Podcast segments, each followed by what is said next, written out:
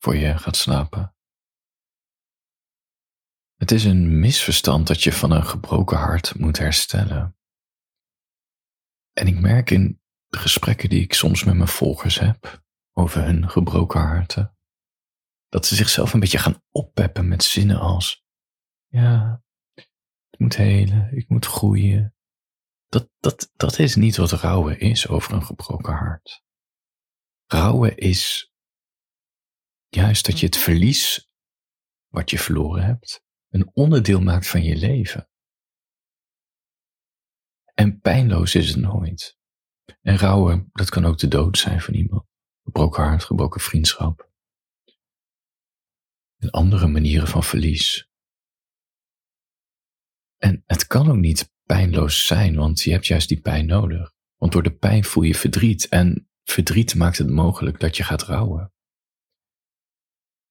Maar er zit wel ja, een soort gekke twist in of zo, want verdriet en rouwen, dat is dus niet hetzelfde. Je kan je namelijk ook één maken met het verlies. En dit wordt melancholie genoemd. Mijn favoriete woord, mijn favoriete mood, mijn favoriete, nou ja. Ik zou er eigenlijk wat over moeten schrijven. Kijk, bij rouw treuren we om het verlies en verwerken we het. Begrijp je?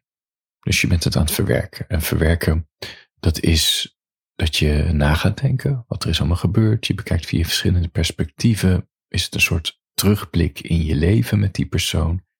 Ehm, maar je denkt ook na over alle dromen die je nog had met die persoon. Van samenwonen tot de bruiloften, tot weet ik veel, begrijp je? Want daar moet je ook afscheid van nemen. De toekomst speelt. En, en dat, is, dat is rouw. En dat is verwerken. Want je maakt je geen met los van al die beelden en al die ervaringen. Elke keer als je weer pijn voelt. Maar bij melancholie sterven we eigenlijk mee met het verlies. We maken ons dus één met het verlies. Dus we blijven er heel erg in hangen. En dat kan voor een periode zijn. Het kan heel lang zijn, misschien wel de rest van je leven. En wat ik daarmee wil zeggen is dat het, het is niet erg om te blijven hangen. Dus laat het je niet wijsmaken dat er iets mis is met je. Het maakt je gewoon een melancholisch mens. Het is oké om nog steeds te treuren om het verlies van een persoon, een relatie. Whatever. Terwijl je ondertussen gewoon verder gaat met leven en misschien wel nieuwe mensen ontmoet en een nieuw leven opbouwt met anderen. Is natuurlijk wel moeilijk net precies na het verlies dat je heel erg overmand wordt met, ja, het zijn bijna depressieve, depressieve gevoelens, als dat niets meer zin heeft. En als dit een groot deel van de dag je leven overheerst, ja, dat, dat is, nou, laat ik het anders zeggen, het overheerst een groot deel van de dag, je gevoelens en je gedachten. En de kunst is, en dat is een heel ingewikkeld proces, om uiteindelijk weer zin in je leven te vinden zodat je er toch, ja, toch een beetje naar die rouwstand overgaat. Snap je? En ik denk dat de opdracht misschien eenvoudiger is. Nou, het is niet eenvoudig, maar het klinkt eenvoudiger. Dat is vooral niet zoveel druk leggen op jezelf. Er is dus echt helemaal, ik zeg het nogmaals, er is helemaal niets mis met een lange periode van melancholie ervaren naar verlies. Je hoeft niet te helen. Je hoeft niet te herstellen.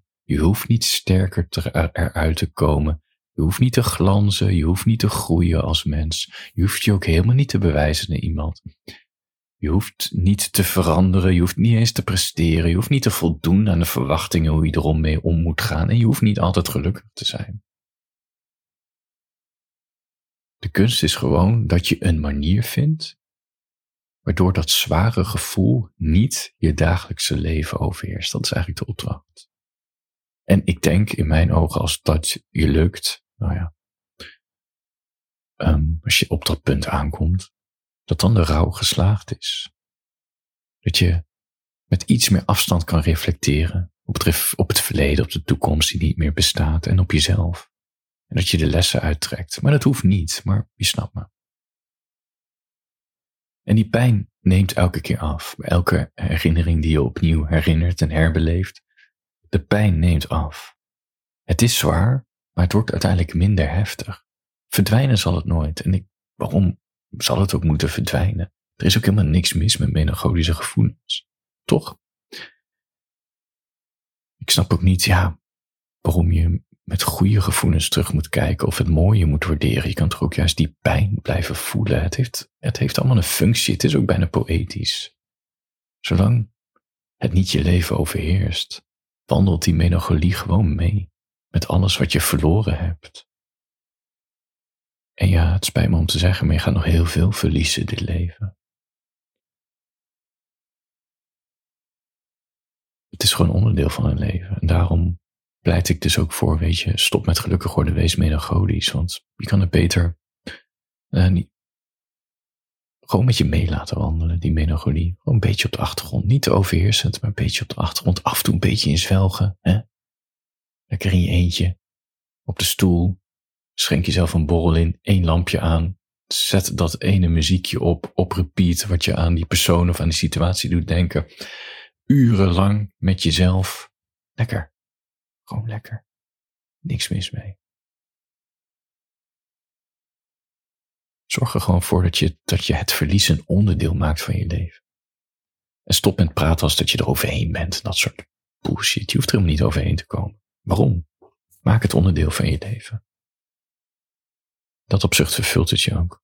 Op een zekere manier. Voor je gaat slapen, handjes boven de dekens. Slaap lekker.